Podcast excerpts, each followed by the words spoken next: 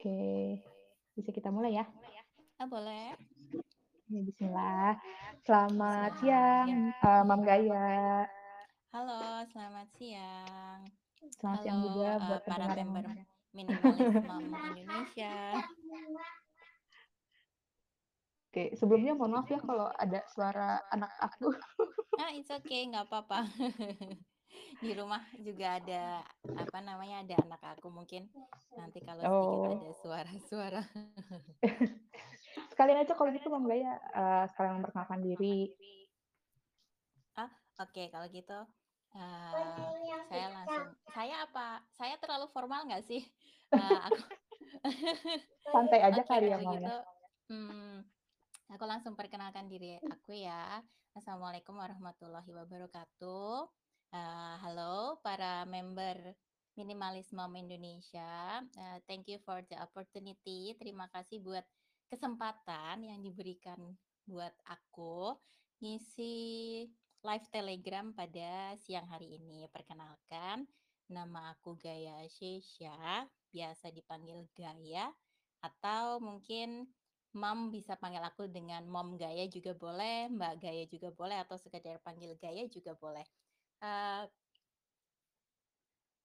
Aku seorang ibu rumah tangga, main job aku adalah ibu rumah tangga, dan side job aku, eee, adalah image consultant. Atau mungkin kalau yang belum terlalu familiar dengan, apa namanya, profesi image consultant itu lebih mirip-mirip dengan personal stylist. Nah, nanti bagaimana aku menjadi seorang image consultant, ceritanya bagaimana, nanti aku jawab di tadi ada poin nomor 4 ya, cerita tentang profesi dan bagaimana aku memulai hidup minimalis, begitu. Nah, sekarang domisili aku tinggal di Jepang dan sudah tinggal di Jepang selama 6,5 tahun. Jadi 5 Wah. tahun sebelum ini aku tinggal di Osaka. Kalau mungkin ada yang udah pernah jalan-jalan ke Jepang, mungkin udah ada yang pernah traveling sebelum pandemi. Aku 5 tahun sebelumnya tinggal di Osaka. Kalau sekarang sedang karena suami sedang pindah tugas kerja di, apa namanya, sekitar Tokyo, jadi aku pindah di, eee, apa namanya, di sekitar Tokyo. Oke. Gitu. Wah, menarik banget ya. Apalagi image consultant sama personal stylist kalau buat aku pribadi, eee, term atau pekerjaan yang baru gitu. Jadi kayaknya Iya, masih kita akan menarik nih ke depannya.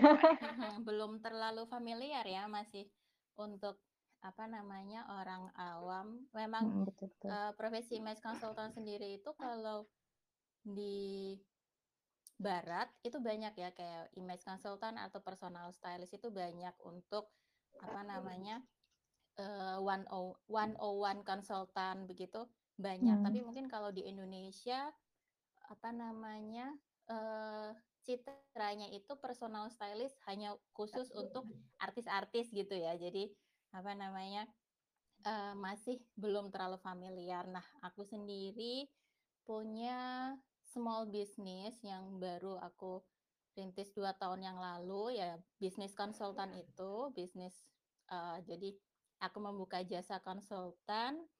Mungkin kalau Mom ada yang ingin, apa namanya, konsultasi mengenai fashion dan style atau mungkin tidak terlalu confidence dengan style-nya yang sekarang, aku nah, apa namanya, bisa memberikan advice atau kita bisa ngobrol-ngobrol, kita diskusi, dan aku juga punya, apa, ada di Instagram aku, ada Style Guide by Gaya Syesha. Nah, aku beberapa kali apa namanya, membantu para, eee, perempuan untuk to be more confident with their style gitu. Jadi banyak kan ibu-ibu, para mom mungkin yang setelah menikah, punya anak, kemudian kurang pede dengan penampilannya, begitu.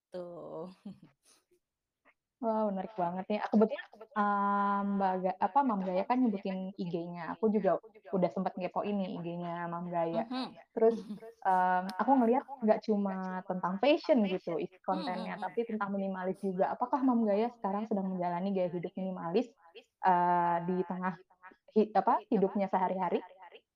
Oke. Nah, kalau boleh, eee, cerita dan sharing, eee, my life before move to Japan, sebelum pindah ke Jepang dan setelah tinggal di Jepang itu a little bit different. Dulu aku waktu tinggal di Indonesia itu kayak beli barang, apalagi masih muda ya dan belum nikah, beli barang, beli baju, beli aksesoris itu kayak asal beli, "Ah, lucu," beli, "Ah, lucu," beli, "Ah, lucu," beli. Akhirnya tanpa sadar, tanpa membeli sesuatu deng tanpa kesadaran, hanya berdasarkan seperti, "Oh, lucu, beli. Oh, ada diskon, beli," gitu. Akhirnya, eee, baju numpuk, barang-barang numpuk, dan susah untuk me-manage dan meng-organize gitu. Akhirnya setiap aku buka lemari kayak I feel have nothing to wear gitu, kayak aku nggak punya baju buat dipakai, padahal bajunya Padahal banyak bajunya gitu. Mungkin banyak. Iya sama. mungkin Mom, eee, para member Mom Minimalisme mungkin pernah merasakannya ya, jilbabnya banyak tapi bingung nih mau di apa namanya, dipadu-padankan atau di-mix and match dengan baju yang apa gitu, bingung kan, saking banyaknya gitu.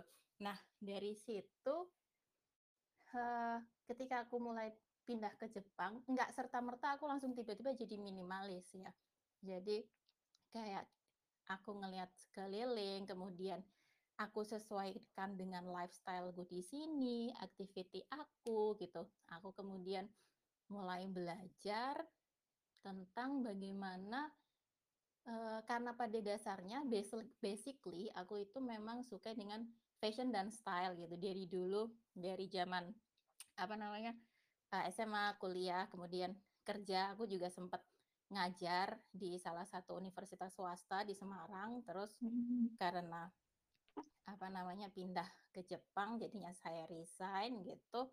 Terus mencoba menggali, eee, apa yang menjadi passion aku, akhirnya apa ya gitu, diskusi sama suami, apa ya yang bisa aku lakukan, sesuatu yang, eee, passionate untuk aku, tapi aku juga bisa bantu banyak perempuan untuk bisa tampil lebih percaya diri dengan style-nya. Akhirnya aku ambil certified image consultant, berangkat start from aku ingin, eee, membantu para perempuan di sana, pra para perempuan di luar sana untuk walaupun baju-bajunya minimalis, walaupun nggak sering belanja gitu, tapi tetap bisa terlihat menarik, terlihat, eee, fashionable dan ter tetap percaya diri.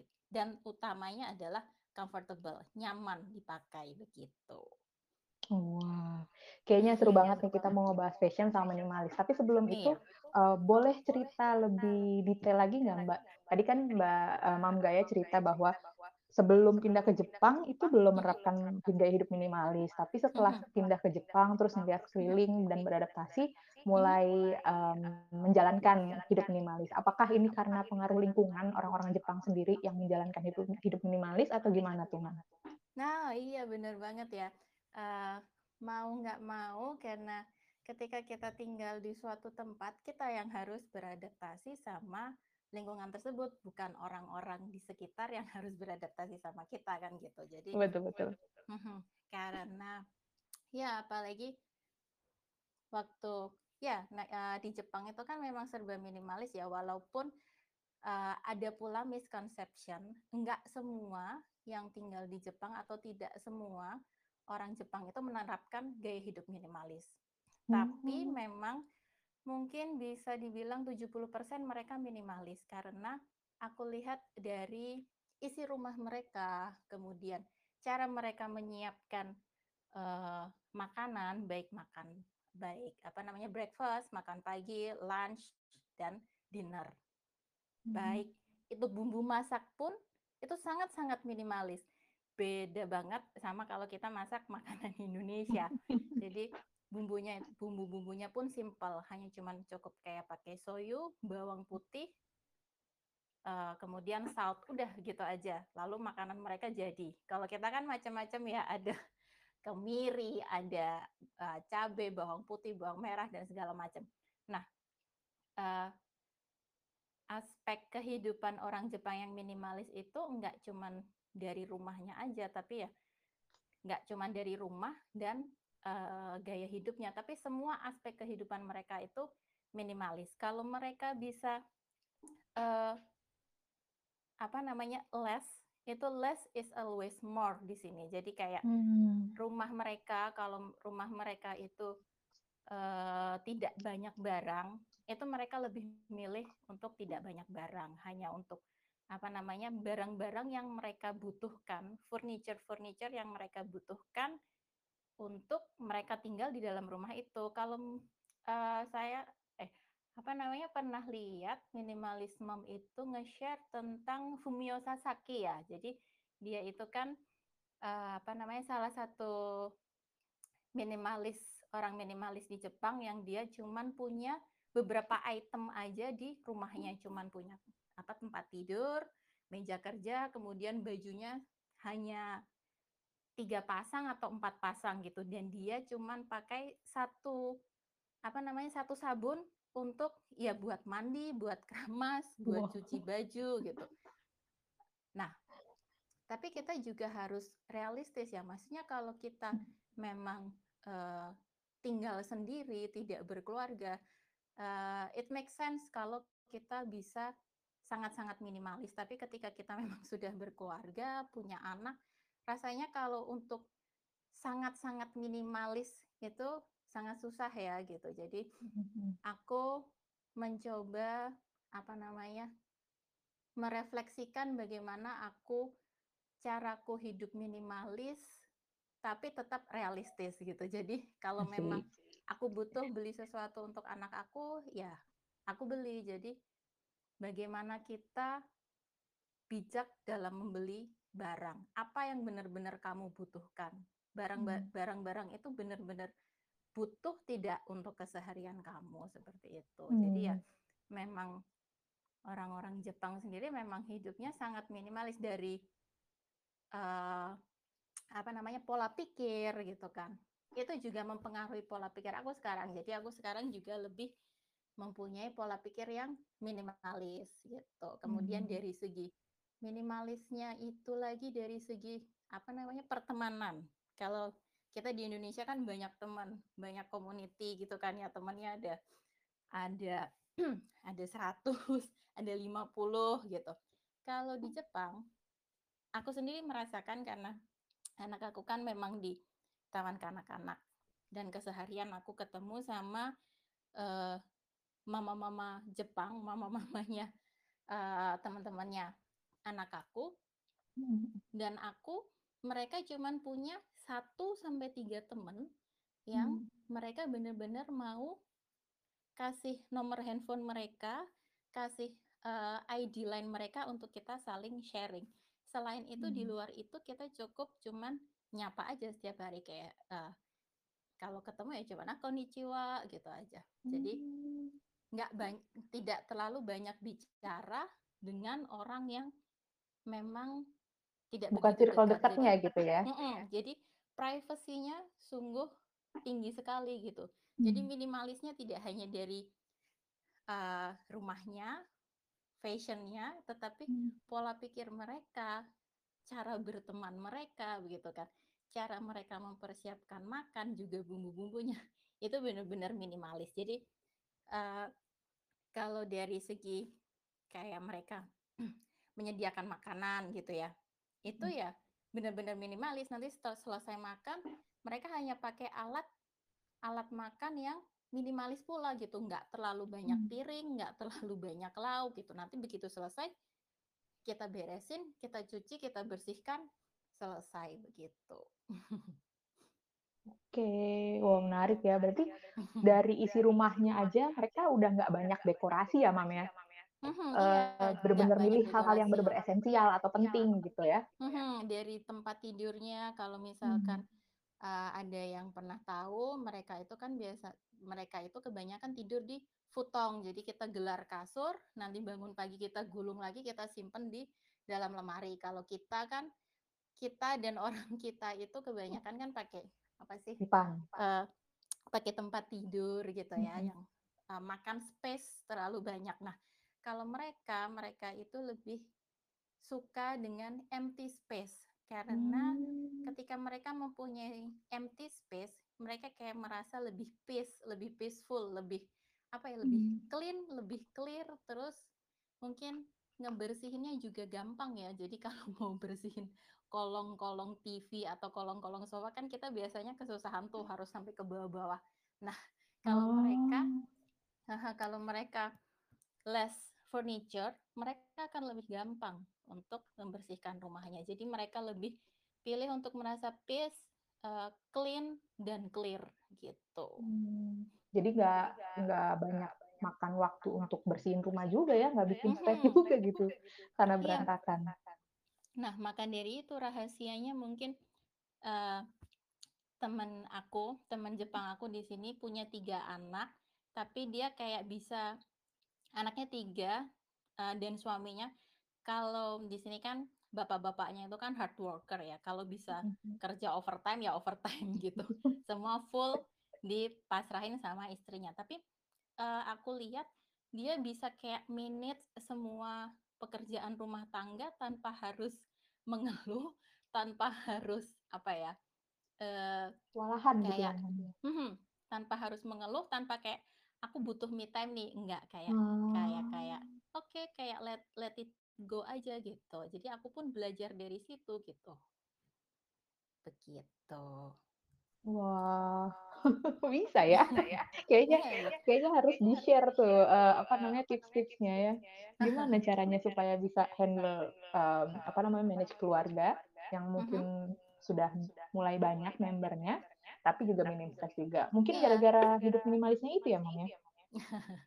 Tapi tapi yang perlu dicatat memang nggak semua ya, tapi ya memang ada beberapa yang rumahnya juga banyak barang, banyak Oh, mainan, gitu. dan aku pun realistis, apa namanya, di rumah di rumah aku masih banyak mainan anak-anak aku gitu kan. Kayak tapi misalkan 100% dari mainan anak aku, 50% aku simpan. Jadi cuma 50% yang aku keluarin di, eee, living room gitu. Jadi ya udah Mmm. main yang ada, yang belum dikeluarkan masih aku simpan gitu. Oke. Oke, wah seru banget. Aku pengen lebih banyak banget ngobrol tentang, apa ya, minimalis lifestyle di Jepang, tapi Hmm. karena hari ini temanya ada fashion juga, Mhm jadi aku mau mulai masuk ke sesi fashion-nya nih. Oke. Mom Gaya kan tadi kan berprofesi, eee, side Mhm. job itu sebagai image consultant atau personal stylist. Mmm, dan mulainya itu kalau aku nggak salah tadi nangkep, eee, pas pindah ke Jepang ya, Mam, ya? Mmm, iya waktu eh, kalau mulai belajar minimalis waktu memang pindah eee, mulai pindah ke Jepang, cuman sejak kapan aku memulai jadi image consultant itu sejak 2 tahun yang lalu, baru 2 tahun yang lalu sih, gitu. Oh. Oke, boleh cerita nggak nih, Mam, Mhm. kenapa sih tertarik, apa namanya, eee, menjadi seorang personal stylist gitu ya? Karena di Mhm. samping tadi passion-nya fashion, terus pengen ngebantu, mmm, apa ya, mom-mom di luar sana untuk, eee, lebih stylish lagi gitu. Tapi Mhm gimana sih, eee, prosesnya atau latar belakangnya? Apalagi Mom Gaya udah ya certified nih, yang berarti udah ada, apa ya, jenjang formal mungkin ya, yang diambil. Iya iya. Waktu itu, ya itu tadi ya, karena emang basically dari, apa namanya, dari zaman SMA, kuliah mmm, mmm, dari zaman SMA, kuliah gitu memang basically aku suka tentang fashion dan style gitu kan. Terus, eee, dulu sempat kepikira dulu sempat suka, apa, desain baju juga gitu, cuman namanya anak mungkin harus mengikuti, apa namanya, maunya orang tua, masuk ke jurusan apa gitu. Jadi okelah aku mengikut sama eee, orang tuaku untuk masuk ke jurusan apa dan menjadi apa gitu kan. Maksudnya mereka pengen aku masuk ke fakultas hukum dan nantinya jadi dosen, oke aku ikutin gitu sampai kerja, alhamdulillah juga bisa jadi dosen 3 tahun, terus nikah, terus karena, eee, ketemu sama suami aku yang emang sama-sama satu, apa namanya, satu pemikiran, gimana caranya kita itu, apa ya, eee, mewujudkan mimpi atau passion kita, apa pekerjaan apa yang kita sukai. Ketik karena ketika kita, eee, mendapatkan pekerjaan yang kita sukai, yang memang kita cintai, kita akan mencintai pekerjaan itu, gitu. Jadi, eee, aku memutuskan untuk ambil, apa namanya, eee, online course untuk, apa namanya, jadi certified image consultant gitu. Mmm. Karena, eee, image consultant itu sendiri ranahnya memang lebih besar. Jadi aku nggak cuman ngurusin baju apa yang harus dipakai, tapi aku kayak bisa kasih advice sama, eee, para mom, para perempuan di luar sana begitu kan. Bagaimana cara membawa diri ketika kita berhadapan dengan orang lain, ketika kita bicara dengan dengan orang lain, itu kayak lebih tepatnya kayak bagaimana sih, eee, kita membawa diri ketika kita bertemu dengan orang yang baru gitu. Nah, Mmm. kalau kita baru ketemu kayak semisalkan saya sama, apa namanya, Mbak Wiranti ya? Kan belum pernah ketemu nih gitu. Ketika kita first time kita saling, eee, ketemu misalnya, kita kan pasti akan, "Oh, eee, Mbak Wiranti ini orangnya seperti ini. Oh, Mom Gaya ini orangnya seperti ini." Dilihat dari, eee, luarnya dulu kan gitu. Mmm. Baru kita bisa mengetahui bagaimana cara pembawaan orang tersebut ketika kita sudah mulai ngobrol mungkin, sering ketemu gitu kan. Ya sama kayak kalau kita cari jodoh gitu kan ya, mhm. Jadi, eee, first time kita ngelihat orang itu memang penting gitu. Kalau ada Mmm. yang bilang, apa namanya, jangan judge buku dari cover-nya, ya gimana ya, kita mau nggak mau, kita kalau ketemu orang pasti yang dilihat kan penampilannya dulu ya, kan gitu. Baru setelah itu eee, bagaimana kita mengekspresikan, eee, diri kita di depan orang lain, begitu. Oke. Mmm, apa namanya, kalau dari pekerjaan Mom sebagai seorang image consultant atau personal stylist, bertabrakan nggak sih dengan gaya hidup minimalis gitu? Karena kan, Mhm. Namanya fashion saat ini itu masih diidentik dengan fast fashion ya, Mbak, yang setiap Mhm. musim itu pasti ganti gitu ya, terus trennya cepet banget gitu. itu ya, mhm. Betul betul. Nah itu gimana ya nyikapinnya? Aku sendiri bingung soalnya. Nah, kebetulan aku sendiri, aku suka fashion dan style, tapi aku tidak terlalu suka fashion dan style yang terlalu stand out gitu. Aku nggak terlalu suka pakai aksesoris yang berlebihan, aku nggak terlalu nggak terlalu suka pakai sepatu-sepatu dengan, eee, model yang aneh-aneh gitu. Nah, itulah mengapa aku mengkombinasi fashion dan style dikemas secara minimalis, simpel dan sederhana, tapi kita tetap bisa terlihat menarik, bisa tetap terlihat fashionable dan nggak terlihat membosankan gitu. Jadi kebetulan karena, eee, apa ya niat niat seseorang itu kayak niat aku, itu terefleksikan dari klien-klien yang datang sama aku gitu. Jadi ketika aku punya niat bagaimana ya caranya supaya, eee orang-orang di luar sana atau para mom itu tampilannya minimalis, tidak terlalu berlebihan, tetapi dia tetap bisa terlihat fashionable gitu. Nah, itu eee, terefleksi dari klien-klien yang datang sama aku. Ternyata mereka juga satu pemikiran sama aku bagaimana caranya tidak terlalu berlebihan, tidak terlalu banyak memakai layer di pakaian mereka dengan warna-warna yang soft, dengan Hmm. warna-warna yang, eee, kalem, tapi tetap bisa terlihat stylish, tetap terlihat bisa fashionable dan tentunya pakaian itu, eee, bisa membuat mereka merasa joyful, bisa merasa grateful, bisa merasa happy gitu kan. Jadi jangan salah, baju yang kita pakai itu juga bisa apa ya, eee, memancarkan aura gitu ya istilahnya. Bagaimana kita, eee, terlihat sederhana tapi tetap menarik begitu. Oke. Mungkin kalau, eee apa namanya, ada yang follow Instagram aku, itu aku juga nggak terlalu pakai baju yang terlalu stand out, tapi kalau mau kalau musim dingin atau winter mau gimana lagi ya, pasti harus berlayer-layer dengan coat, dengan apa namanya, eee, scarf seperti itu. Jadi tapi tetap aku prinsip warnanya tetap warna-warna yang minimalis, warna-warna yang simpel gitu. I see. Kalau boleh tahu nih Mbak, eee, kliennya kebanyakan dari Indonesia atau Mhm. Jepang atau kombinasi keduanya atau ada dari negara lain? Oh, enggak sih.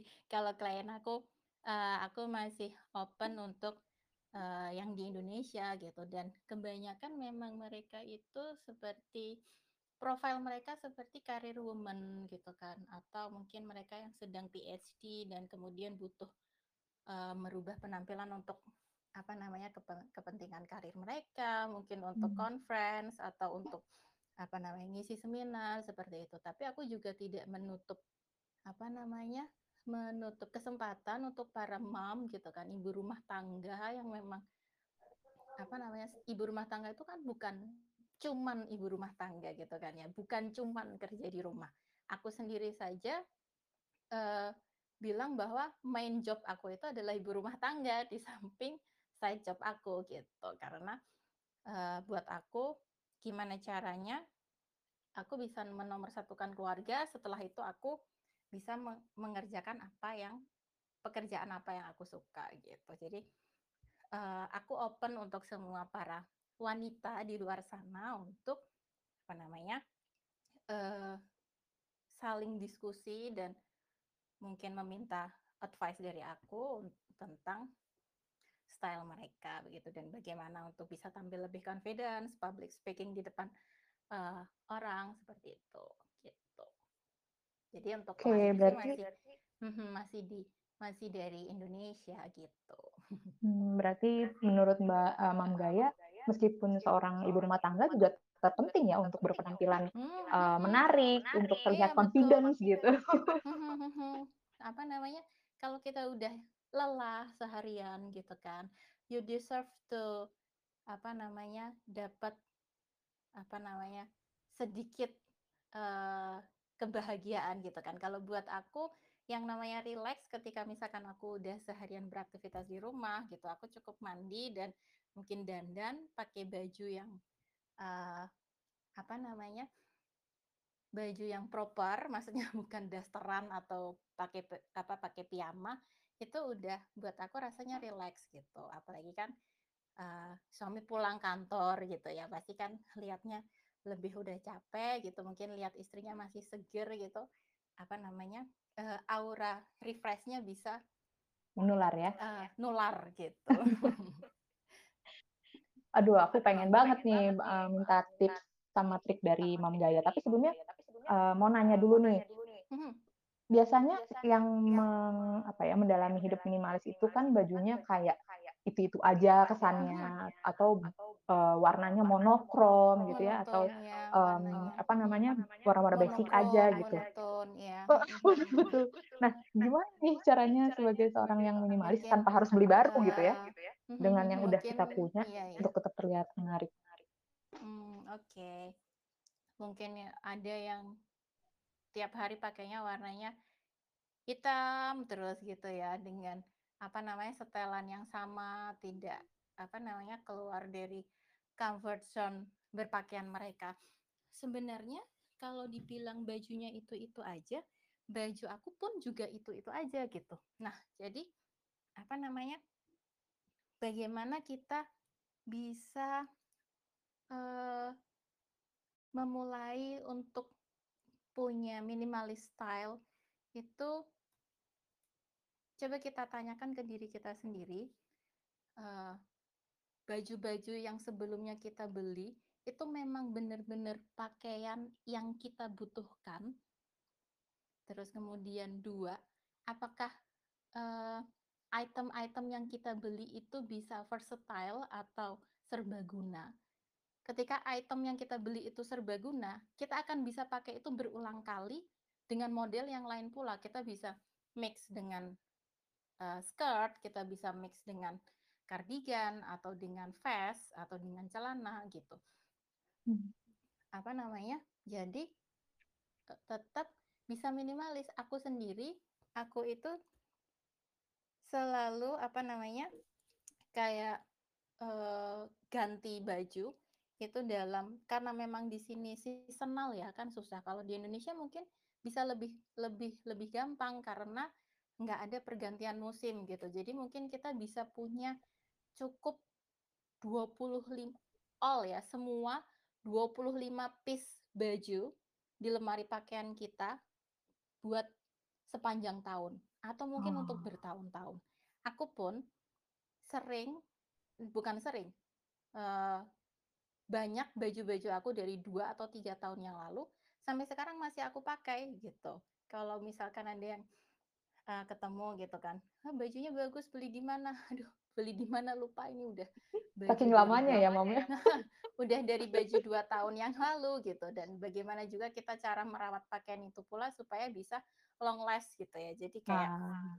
apa namanya, eee, ya kita tuh ha kayak kalau kita pengen minma minimalis ya buy less, choose well, dan buat pakaian itu atau item yang kita beli itu long last gitu. Jadi kita Mmm. nggak perlu, apa namanya, kita perlu beli-beli lagi ke depannya, kecuali kalau memang kita terpaksa harus ganti size gitu kan ya, Mmm, mhm. hamil, kemudian ganti size atau memang, apa namanya, eee pak bajunya memang sudah rusak gitu, memang terpaksa memang harus diganti kan gitu. Jadi Mmm. aku sendiri seasonal bajunya, jadi selama dari winter season sampai early eh, end of spring, jadi dari bulan November sampai awal Mei, itu aku cuman punya 20 items, 20 items itu udah atasan rok, sama celana, dan aku pakai berulang-ulang selama berarti kalau dari November sampai Mei itu berapa bulan? November, Desember, Januari, Februari, Maret, April, 7 bulan. Nah, itu baju-baju yang untuk musim dingin. Nanti ketika summer mau datang, aku ganti bajunya, aku keluarkan dari, apa namanya, dari lemari pakaian, baju-baju summer. Nah, baju-baju winter ini aku simpen buat baju autumn winter, eee, tahun berikutnya gitu. Mmm. Jadi mungkin bisa dibilang aku setahun paling cuman 1 atau 2 kali beli baju yang bener-bener aku itu belum punya Mmm. memang sesuai sama personal style aku, yang memang aku butuhkan gitu. Mmm. Mhm. Oke Kalau berarti yang ada rotasi wardrobe wardrobe rotation ya, Mom, ya, Ya kalau bener di negara rotasi, 4 dari tadi 4 cari kata-katanya apa gitu. Rotasi wardrobe, betul. Nah, ketika kita ingin memulai yang namanya minimalis fashion, kita itu bisa kalau di aku, aku punya formula yang namanya closet detox. Eee, udah pernah Wah. denger belum? Itu sama kayak kita, apa namanya, declutter ya, closet detox, jadi kita detox lemari pakaian kita, barang-barang mana dan baju-baju mana yang sebenarnya tidak terlalu aku inginkan gitu, cuman pengen beli aja karena diskon, karena mungkin lucu, karena mungkin kita follow the trend gitu. Nah, yang namanya minimalis itu kita harus menahan yang namanya follow the trend gitu. Jadi, gimana caranya pakaian yang kita punya ya itu bisa long last itu tadi gitu kan. Walaupun kita pakai, kita nggak terlihat old fashion gitu. Mmm. Jadi bener, ada rotasi pakaian dan kalau apa namanya, baju-baju summer kebanyakan aku beberapa masih dari baju-baju aku yang pernah aku bawa dari Indonesia dulu waktu pindah ke apa namanya, pindah ke Jepang. Terus ada beberapa kayak blazer gitu, itu adalah blazer turunan dari mama aku gitu. Jadi Wah. masih bisa masih bisa dipakai sampai sekarang gitu. Berarti Jadi tipsnya selain choose well gitu ya, eee, Mhm. juga harus bisa merawat supaya bisa Mhm. sustain ya, eee, bisa Ya, lasting dibilang sama Mama Gaya. Iya. Fast fashion sendiri itu kan ya di negara-negara yang seasonal, eee, Mmm. season-nya, ada winter, autumn, mereka tuh kan cepet banget gantinya, ya kan. Mhm mhm. Terus mereka bikin dengan produk memproduksi pakaian dengan jumlah yang sangat banyak gitu kan. Betul Setiap betul. season ganti style, Ganti. setiap season ganti fashion, ya kan. Nah, itu tadi, cara menyikapinya sebagai minimalis, oke. Sebelum kita, eee, beli, kita tanya dulu sama diri kita sendiri. Sebenarnya, eee, di sini itu kan fast eee, di Jepang sendiri kan juga fast fashion ya, kayak Uniqlo, kemudian Muji. Kalau Muji di Indonesia kayaknya udah tutup ya setahu aku. Nah eee, mereka fast fashion, tapi style mereka itu minimalis, dilihat dari warnanya. Kalau mungkin ada yang sering masuk Uniqlo atau dulu pernah lihat Muji gitu, brand-brand Jepang, ketika kita masuk ke store, itu atmosfernya itu clean, clear, dan simpel. Cuman kayak atasan buat para mom tuh kayak cuman kemeja, eee, loose blouse dengan apa namanya, potongan yang loose gitu, kemudian tidak terlalu banyak apa ya, eee, potongannya tuh tidak terlalu rumit seperti baju-baju yang dipasarkan gitu. Misalkan apa namanya, terlalu banyak, eee, modelnya gitu. Dia memang modelnya simpel ya, cuman blus dan mungkin pleated skirt atau white skirt dengan potongan lebar, celana yang straight atau celana potongan lebar, cuman gitu-gitu aja sih sebenarnya style-nya. Tapi karena dia fast fashion, dia mengikuti, eee, seasonal di sini. Kalau Mmm. autumn dia ngeluarin apa namanya, eee, outer dengan bahan yang lebih tebal gitu, kalau summer dia ngeluarin blus-blus dengan apa namanya, fabric yang lebih tipis gitu, yang bisa menyerap keringat gitu, ya dia cepat cepat sekali memang fashion-nya berubah. Nah, saya aku sendiri eee, nggak apa namanya, nggak menampik kalau lihat apa namanya, Uniqlo atau Muji atau brand-brand lokal Jepang cepet banget ganti style-nya kayak, eee, pengen beli gitu. Masih ada rasa ngikutin tren ya. tuh.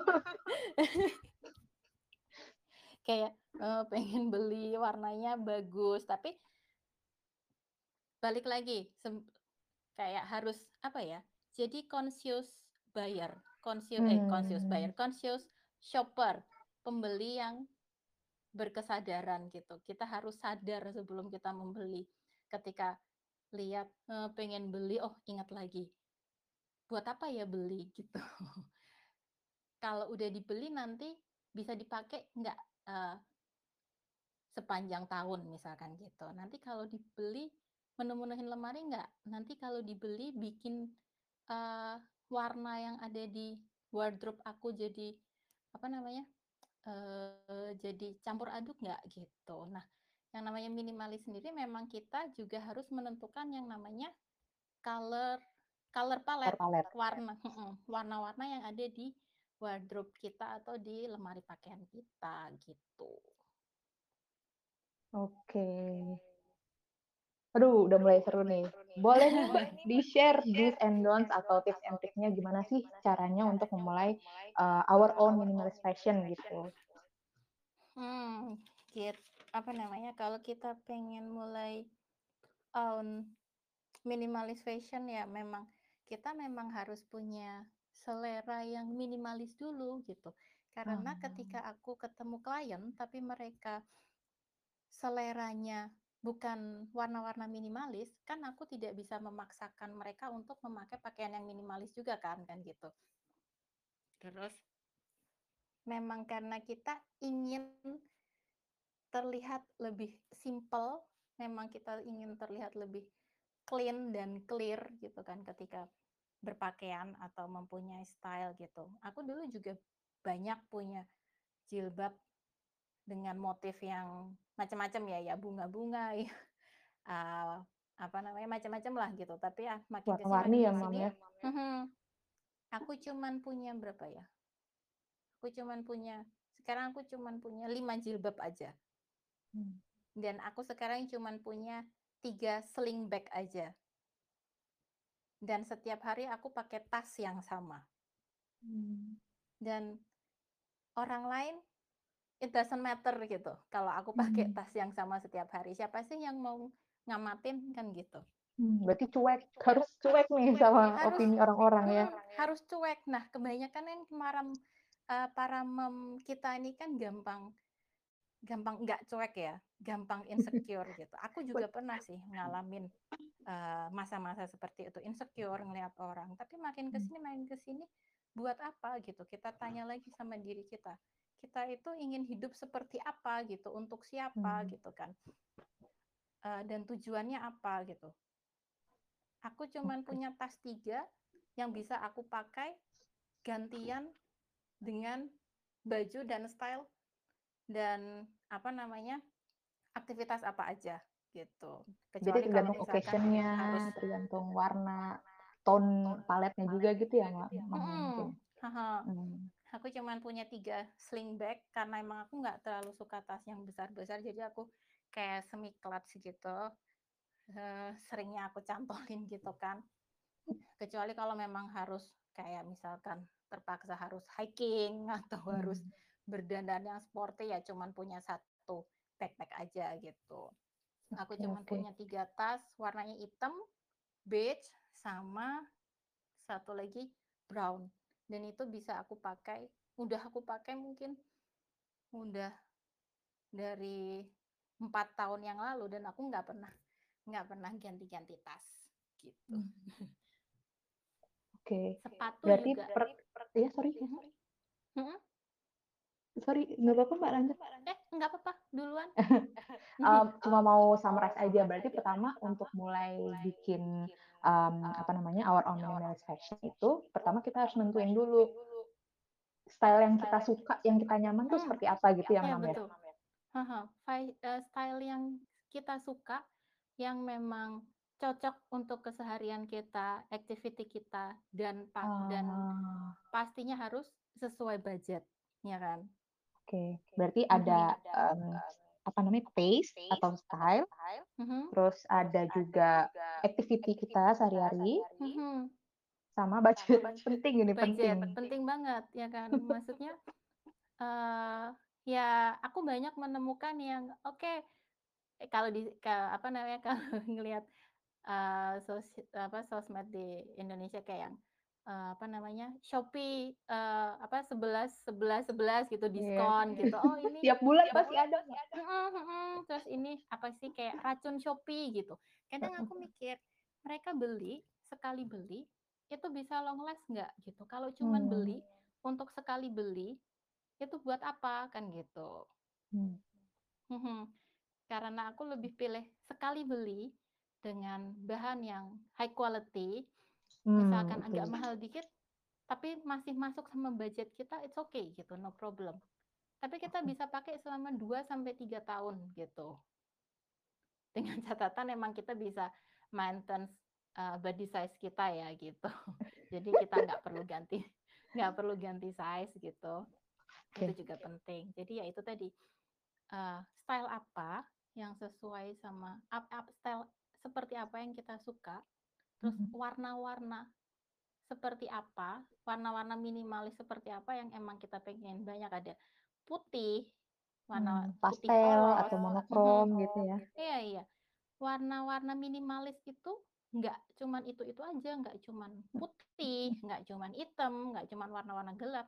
Kamu pun bisa pakai warna pink dengan, apa namanya, eee, tanpa motif dari blus dan bawahan pink dengan, Mmm. apa, kombinasi beige atau pink dengan putih, itu kamu juga udah terlihat minimalis, gitu. Mmm.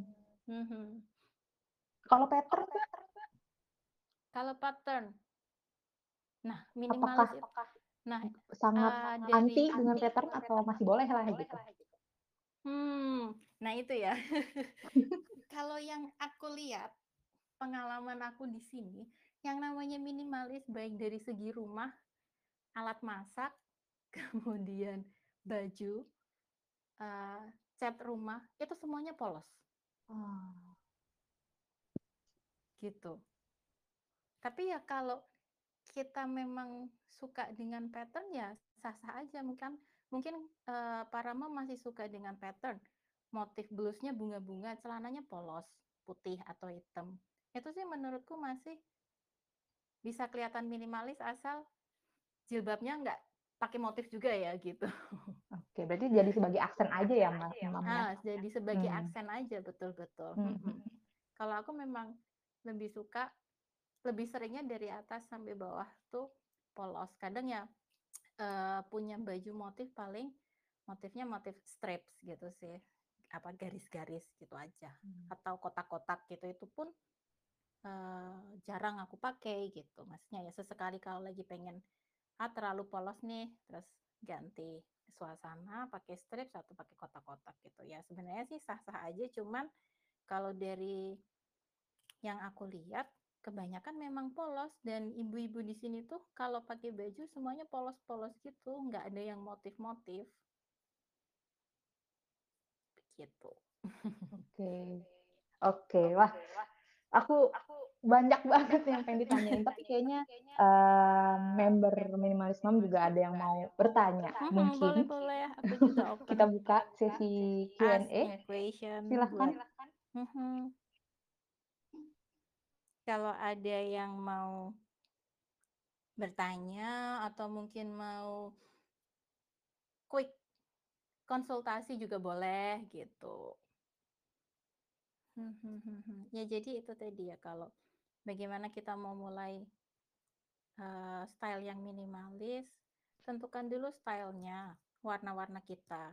Coba, eee, mungkin para mom di sini kalau buka lemari warnanya masih campur aduk atau memang mom sudah menentukan warna-warna yang ada di lemari pakaian. Misalkan gradasi ke color palette-nya tuh dari putih, beige, terus makin ke sini makin coklat makin coklat, makin gelap, gitu. Mmm. Bukan yang di lemari ada biru, ada pink, ada ungu, ada merah gitu misalkan.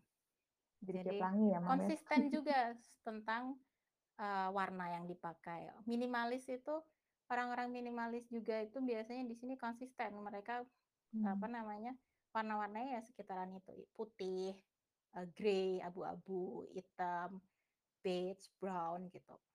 Ya polos-polos aja gitu, terus Mmm. sesuaikan sama budget, gitu. Mmm. Kalau kalian, eee, buka lemari pakaian kalian, terus ingin, apa namanya, men-declutter pakaian itu, tanyakan lagi, "Ini bajunya baju ini tuh bikin aku happy nggak ketika aku pakai? Baju ini Mmm. bikin aku merasa confidence nggak ketika pakai?"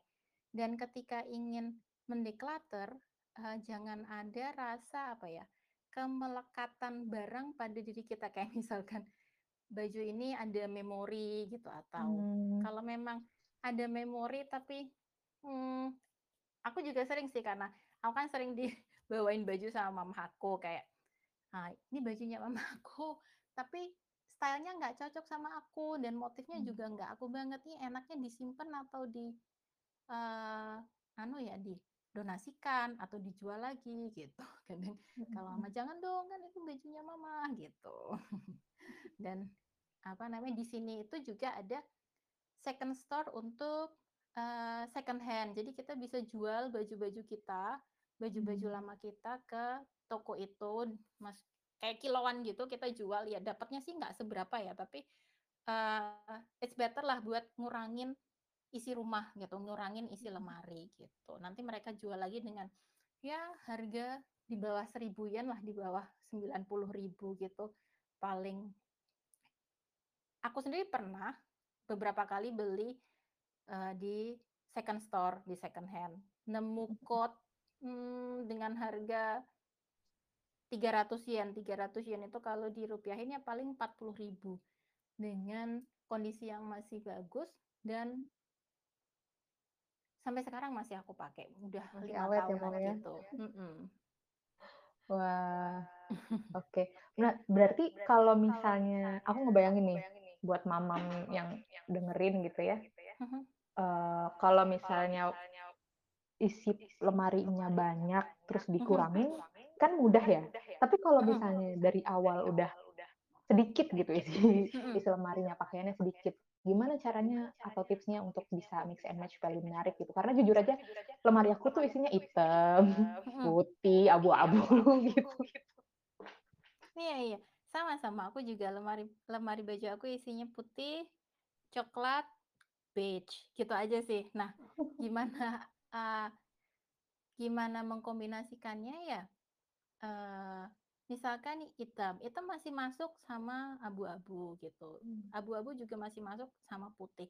Itu bener eee, minimalis itu kan bener-bener warna basic, bener-bener Mmm. warna yang easy to mix and match gitu, warna-warna yang gampang buat di-mix and match gitu. Jadi, kalau misalkan lemari pakaiannya udah eh, ma lemari pakaiannya isinya sedikit, nggak masalah gitu. Kalau memang kamu eee, kalian nyaman dengan isi lemari pakaian yang segitu, ya no problem gitu. Maksudnya, Mmm. kenapa sih kita harus mikirin orang, misalkan kita nganterin anak ke sekolah, kok bajunya ini lagi ini lagi, loh jangan salah loh, setiap, eee, pagi kalau aku nganterin anak aku ke taman kanak-kanak, kita kan kalau, apa namanya, eee, pagi nganterin anak-anak itu kita jalan bareng-bareng sama ibu-ibu dari, eee, rumah, kita jalan bareng-bareng atau ada yang naik sepeda, biasanya aku juga naik sepeda. Aku seneng ngeliatin style-style mereka, baju mereka juga nggak ganti kok kalau nganterin Mmm. anak-anak, terus siapa yang peduli gitu kan. Asal penampilannya nggak lecek, penampilannya nggak kusem bajunya masih baju layak pakai, kenapa nggak dipakai, kan gitu. Jadi ya kalau misalkan, Mmm. eee, isi lemarinya sedikit dan kamu mau nambah, ya bener-bener dipertimbangkan gitu, bener-bener dipikirkan butuh nggak items ini aku beli? Ketika Mmm. aku beli items ini, gampang nggak ya nanti aku mix and match dengan dengan yang lain gitu, dengan oke. item-item yang lain gitu. Bisa nggak aku pakai, eee, sepanjang tahun, setahun, 2 tahun, aku nggak usah beli nih, gitu. Mmm. Oke. Kalau misal aku baca majalah fashion gitu kan, Mhm. suka mereka suka bikin editorial kayak must have item gitu. Mhm. Kalau dari Mom Gaya sendiri, ada sebagai seorang image consultant dan minimalis gitu ya, must have must have item apa aja sih yang bisa disaranin atau di-suggest untuk, mmm, pendengar atau member di sini? Must have item ya? Mhm. Mhm, di Instagram-ku sendiri itu ada, di Instagram-ku atau di Instagram-nya Style Guide by Sisha itu ada. Jadi basic item yang kita bener-bener harus punya gitu. Kalau untuk yang untuk kita-kita yang berjilbab ya blus, blus pastinya blus yang menutup lengan gitu ya. Terus outer atau luaran seperti vest atau kardigan gitu. Itu cukup punya 1 atau 2 itu udah cukup gitu. Aku Mmm. aku sendiri juga cuman punya 1 atau 2 vest, kemudian 1 blazer yang sering aku pakai itu tadi blazer dari turunannya mamahku. Terus skirt sama pants, segala Mmm. jenis pants gitu. Itu adalah yang in general ada di dalam lemari pakaian kita kan, blus, Mhm mhm mhm. terus apa namanya, skirt, rok, mhm, kemudian pants, celana dengan potongan lebar atau skinny ataupun apa namanya, eee, celana kulot, Mmm. itu pasti kan basic sekali dan itu gampang banget di-mix and match. Must have Mmm. item-ku sih itu, kalau untuk item-item yang lain sih aku nggak terlalu mikirin ya, paling aku punya beberapa 2 atau 3 maxi dress gitu, dress long dress gitu untuk, eee, apa namanya, ganti suasana gitu sih. Ya kalau must have item ya itu, blus kita punya basic blus atau shirt, kaos gitu kalau misalkan Mhm. nggak berjilbab gitu kan, boleh lengan panjang, lengan pendek, atau, eee, you can see gitu. Terus apa namanya, outer. Outer itu juga penting karena untuk eee, sebenarnya banyak sih yang pengen aku sharing juga, eee, di sini. Outer itu juga penting kalau kita punya body shape yang pinggang ke bawahnya lebih besar, kita bisa tutup pakai outer gitu. Nah itu tadi, ketika kita memilih style, kita sesuaikan juga dengan body shape kita gitu. Cocok nggak ketika aku pakai gitu. Tapi ada orang-orang yang, "Aku suka kok pengen pakai." Oh, it's okay gitu, nggak masalah. Asal pede ya, kamu ya? mhm? Maksudnya it's okay, eee, kalau berani, asal pede dan berani makainya gitu. mhm mhm. Ketika memang eee, bener-bener dari dalam diri kita ngerasa pede, kita ngerasa happy pakai baju itu, nggak cuman kita kan berpakaian kan untuk diri kita sendiri kan yang nomor satu, bukan buat orang lain. Begitu pula eee, keseharian kita, kita belajar hidup minimalis, itu untuk siapa lagi sih kalau bukan Mmm. untuk kita sendiri kan gitu.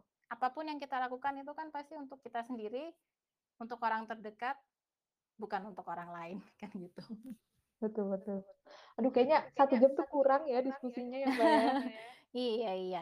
Ya semoga nanti next time mungkin, eee, I have another opportunity untuk, apa namanya, sharing sama para mom di Oke. apa apa, Kayaknya ada yang nanya. member mhm, Minimalis Mom Indonesia gitu. Seneng banget bisa dapat E eee, kesempatan boleh bis nanya nggak? mhm. Mbak Fisya, nggak papa ya? Ada pertanyaan? Ada pertanyaan, boleh. Oke. Silakan Mom Hikmah.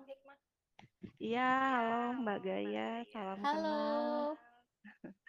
Ini, eee, aku mau tanya, eee, mungkin ini kegalauan moms yang lainnya juga sih, beberapa temen aku juga, Mhm. ada cerita yang sama lah gitu. Jadi kan, eee, sebelum menikah, sebelum punya anak, Mhm. kita tuh selalu punya feel sama apa yang kita pakai gitu. Iya betul. Eee, tapi setelah menikah apa dan punya anak 1, 2, 3 gitu ya, Iya. body kita kan sudah nggak kayak zaman gadis gitu. Betul betul. Mhm, jadi kadang apa yang kita pakai itu kok nggak feel gitu, eee, apa ya, nggak nggak merasa kayak gadis dulu, nggak merasa bahagia lah istilahnya gitu, kadang nggak Mmm. pede juga gitu.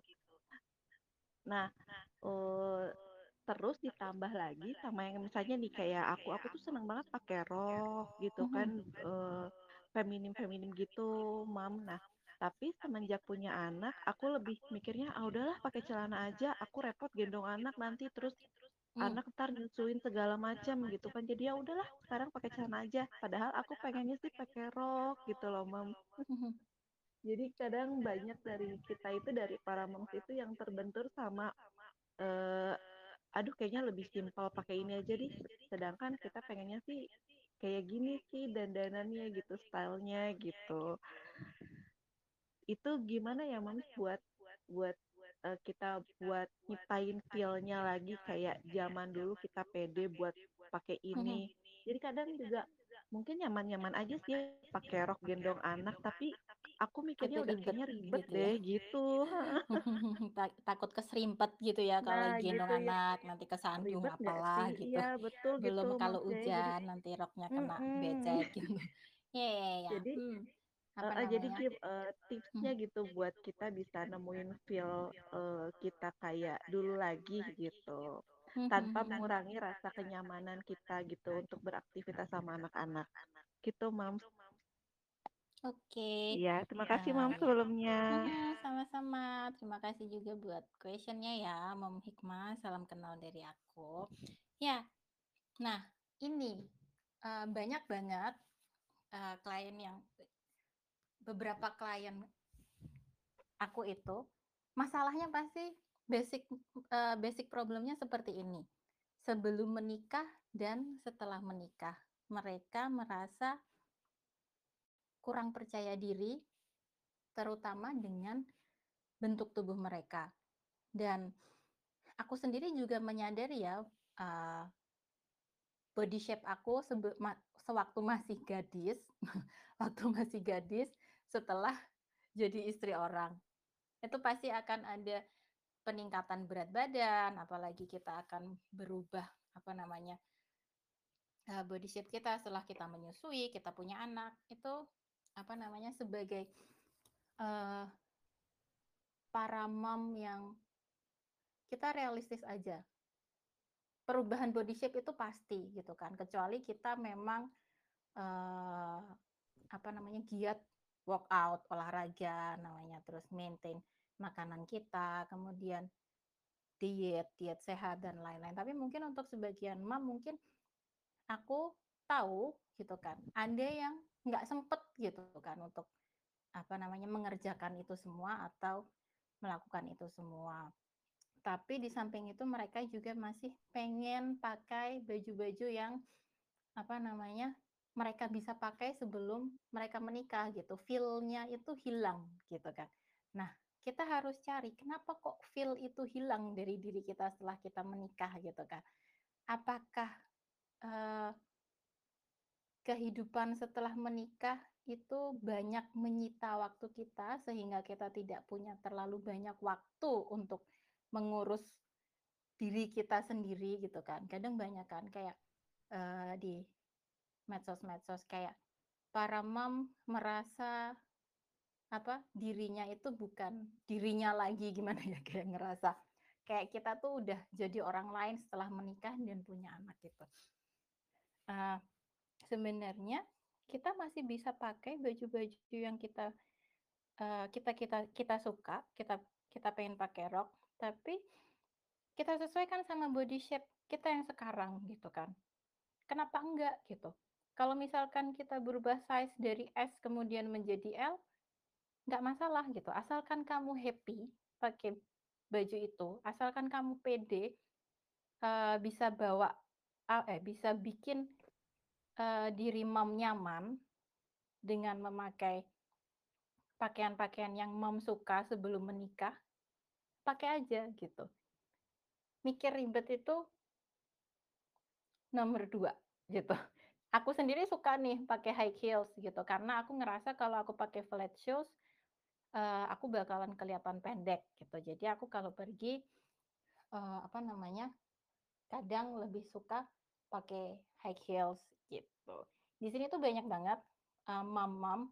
Aku sendiri juga sering naik sepeda, tapi pakai baju yang proper, pakai high heels, dan itu banyak banget di sini gitu.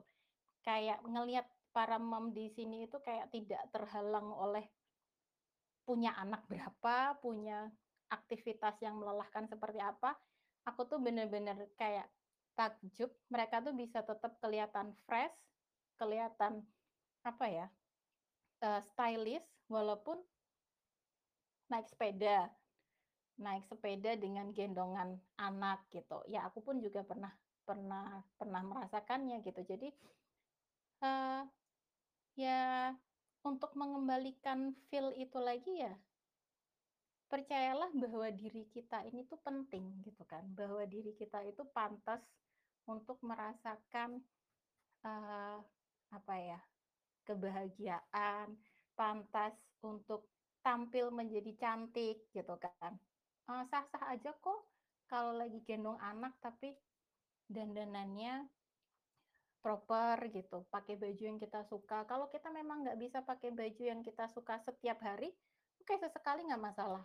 Mungkin waktu weekend atau mungkin sesekali ketika kita apa namanya keluar sama anak-anak atau sama suami, sekali dua kali kita coba pakai baju-baju yang memang style-style baju yang kita suka sebelum kita menikah gitu. Yang penting mom itu ngerasa bahwa diri mom itu penting, tidak hanya sekedar ibu rumah tangga, tidak hanya sekedar ngurus anak dan rumah, atau tidak hanya sekedar uh, capek di kantor kemudian harus mengerjakan pekerjaan rumah gitu. Jadi kita uh, bagaimana cara kita bisa mengapresiasi diri kita sendiri gitu.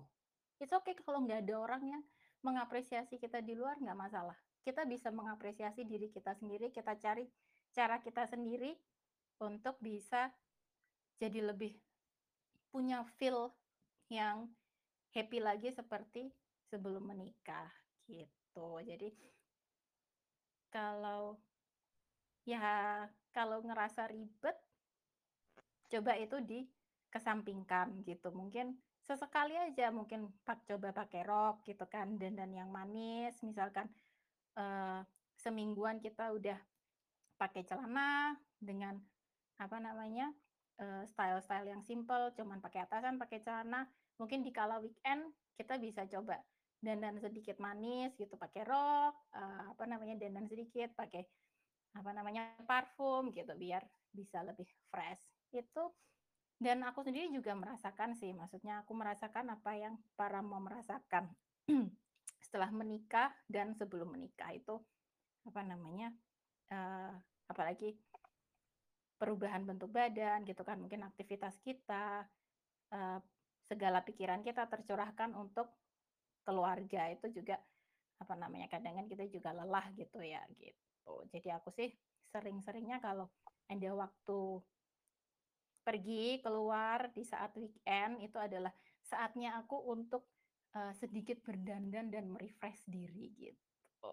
Kalau misalkan kita apa namanya lagi pengen dandan tapi anak-anaknya anak-anak gimana ya kalau aku dandan? Udah sebentar aja ditinggal anak-anaknya. Itu sah-sah aja kok gitu. Toh kita nggak setiap hari membiarkan anak-anak kita untuk bermain sendiri atau untuk beraktivitas sendiri kan gitu. Jadi kita harus punya uh, a little time untuk merasa joyful and grateful gitu mam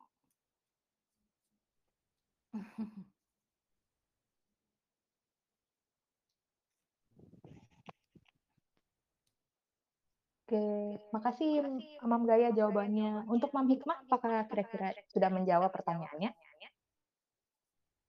Iya, terima kasih Mam Gaya. Jadi uh, intinya kita seenggaknya punya waktu untuk uh, coba lagi mengadakan feel itu gitu ya, pelan-pelan ya. menumbuhkan feel itu, maksudnya iya. kalaupun nggak bisa sering-sering, ya hari, ya sesekali, ya bisa seminggu hmm, sekali kalau ya. weekend ya. gitu, ya, ya, coba ya, aja di, dicoba gitu pokoknya. Okay. terima kasih banyak Mom Gaya. Sama-sama. Makasih, Makasih Mami Ranti juga udah kasih kesempatan buat nanya. Pertanyaannya bagus dan mewakili saya juga. Oke, tapi mohon maaf waktunya udah uh, habis gitu ya. Kayaknya emang emang butuh satu sesi lagi kayak Imam ya.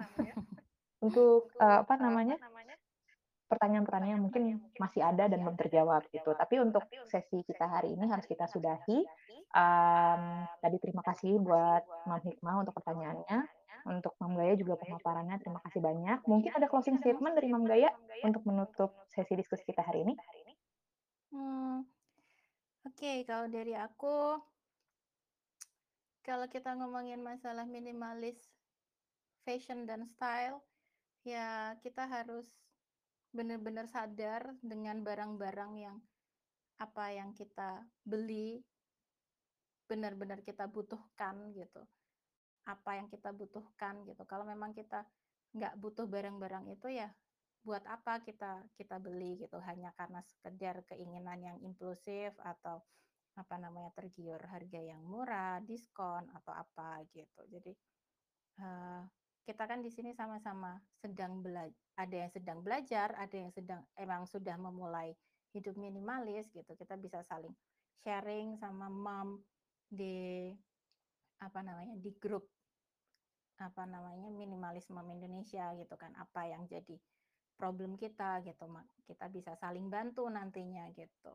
Untuk memulai hidup yang lebih minimalis. Karena buat aku sendiri yang namanya hidup minimalis itu jauh-jauh lebih mudah daripada kita harus menimbun banyak barang gitu kan. Dari segi kuantiti dan kuantit apa kualitas itu untuk hidup yang minimalis itu lebih gampang. Ketika kita menerapkan hidup hidup yang minimalis, kita bisa kok sesekali beli baju dengan harga yang mahal. Toh kalau beli baju mahal satu dengan kualitas yang bagus, kita bisa pakai itu dalam jangka waktu yang lama gitu. Oke, Jadi terima kasih. mhm. Terima kasih banyak nih Mam Gaya. Ini ya catatan aku banyak banget.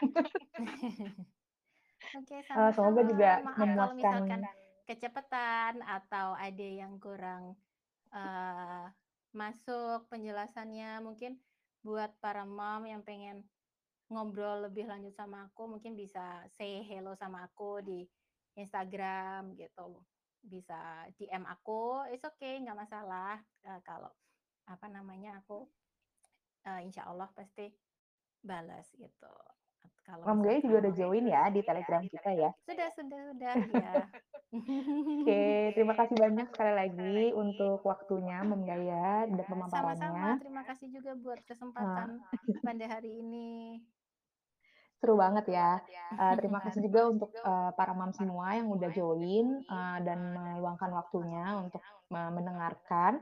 Eh, semoga membawa manfaat ya untuk hidup mam Semoga semua. bermanfaat dan semoga membantu. Betul betul betul. Hmm. Sampai jumpa di diskusi kita selanjutnya. Oke, thank you. Assalamualaikum Terima warahmatullahi kasih. wabarakatuh.